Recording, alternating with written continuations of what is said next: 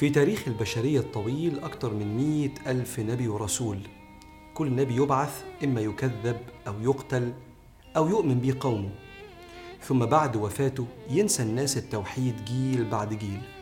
فيبعث ربنا سبحانه وتعالى نبي آخر عشان يفكر الناس بالقيم والأخلاق والعقائد. بسم الله الرحمن الرحيم. ثم أرسلنا رسلنا تترى يعني متتاليين. كلما جاء أمة رسولها كذبوه. فأتبعنا بعضهم بعضا. لغاية سيدنا رسول الله عليه الصلاة والسلام خاتم الأنبياء. ربنا بيقول ما كان محمد أبا أحد من رجالكم ولكن رسول الله وخاتم النبيين. فبعد رسول الله صلى الله عليه وسلم ليس هناك نبي. طيب بعد انتقال النبي صلى الله عليه وسلم للرفيق الأعلى إحنا محتاجين رسول تاني يحافظ على أخلاق الناس وعقائدهم وينشر الإسلام. قال لك ما ينفعش. هذه المهمة حملها كل مسلم فليس بعد رسول الله نبي ولكن يبقى الخير ما بقي الصالحون. بس الواقع بيقول إن ما ينفعش كل مسلم يبقى شيخ أو عالم أو داعية. طب نعمل إيه؟ قال لك خليك مسلم بس والدين هينتشر لوحده. بس مسلم زي ما يحبك الله ورسوله. فنسأل سيدنا محمد عليه الصلاة والسلام إزاي أكون مسلم زي ما تحب؟ فأحمل رسالتك فأبعث معك.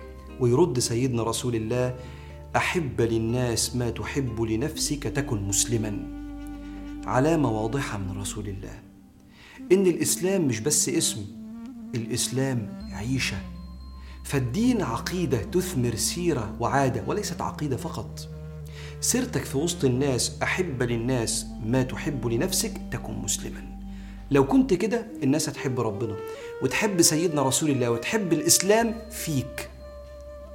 عارف أكتر حاجة الناس تحبها لنفسها إيه؟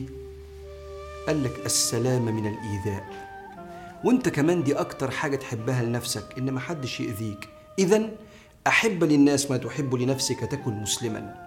الحسن البصري يعرف الإسلام تعريف بسيط متمشي مع تعريف سيدنا رسول الله عليه الصلاة والسلام. قال الحسن الإسلام أن يسلم قلبك لله وأن يسلم منك كل مسلم وكل ذي عهد. كل حد أنت عايش معاه في سلام اتفقتوا في العقيدة أو اختلفتم ده اسمه ذي عهد ده يسلم منك. ساعتها تبقى أنت مسلم يسلم من إيذائك. تحب حد يحتقرك؟ لا طبعا والاحتقار أذية. إذا أحب للناس ما تحب لنفسك تكن مسلما لا تحتقر أحد. قال صلى الله عليه وسلم التقوى ها هنا. وأشار إلى صدره ثلاث مرات ثم قال بحسب امرئ من الشر أن يحقر أخاه.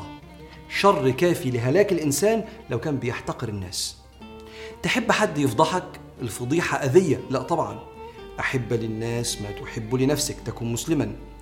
سيدنا رسول الله صعد على المنبر فنادى بصوت رفيع صوت قوي. يا معشر من أسلم بلسانه ولم يفض الإيمان إلى قلبه. لا تؤذوا المسلمين ولا تعيروهم ولا تتبعوا عوراتهم. فإنه من تتبع عورة أخيه تتبع الله عورته. ومن تتبع الله عورته يفضحه ولو في جوف بيته. فبلاش نفضح بعض دي أذية. راجع نفسك أيها المسلم. تحب حد غير مسلم يناقشك في دينك بسخرية وتهكم على معتقدك؟ ودي أذية. انت ما تحبهاش. اذا أحب للناس ما تحب لنفسك تكن مسلما. عشان كده ربنا علمنا ولا تجادلوا أهل الكتاب إلا بالتي هي أحسن. وبكده لو ما احتقرتش ودي أذية ولا فضحت ودي أذية ولا تهكمت ودي أذية اعمل حسابك إنك إن شاء الله هتكون المسلم اللي حسن إسلامه ويصح فيك قول رب العالمين بلى من أسلم وجهه لله وهو محسن. فله اجره عند ربه ولا خوف عليهم ولا هم يحزنون. فاللهم ارزقنا حسن الإسلام وعلمنا أخلاق رسول الله سيد الأنام.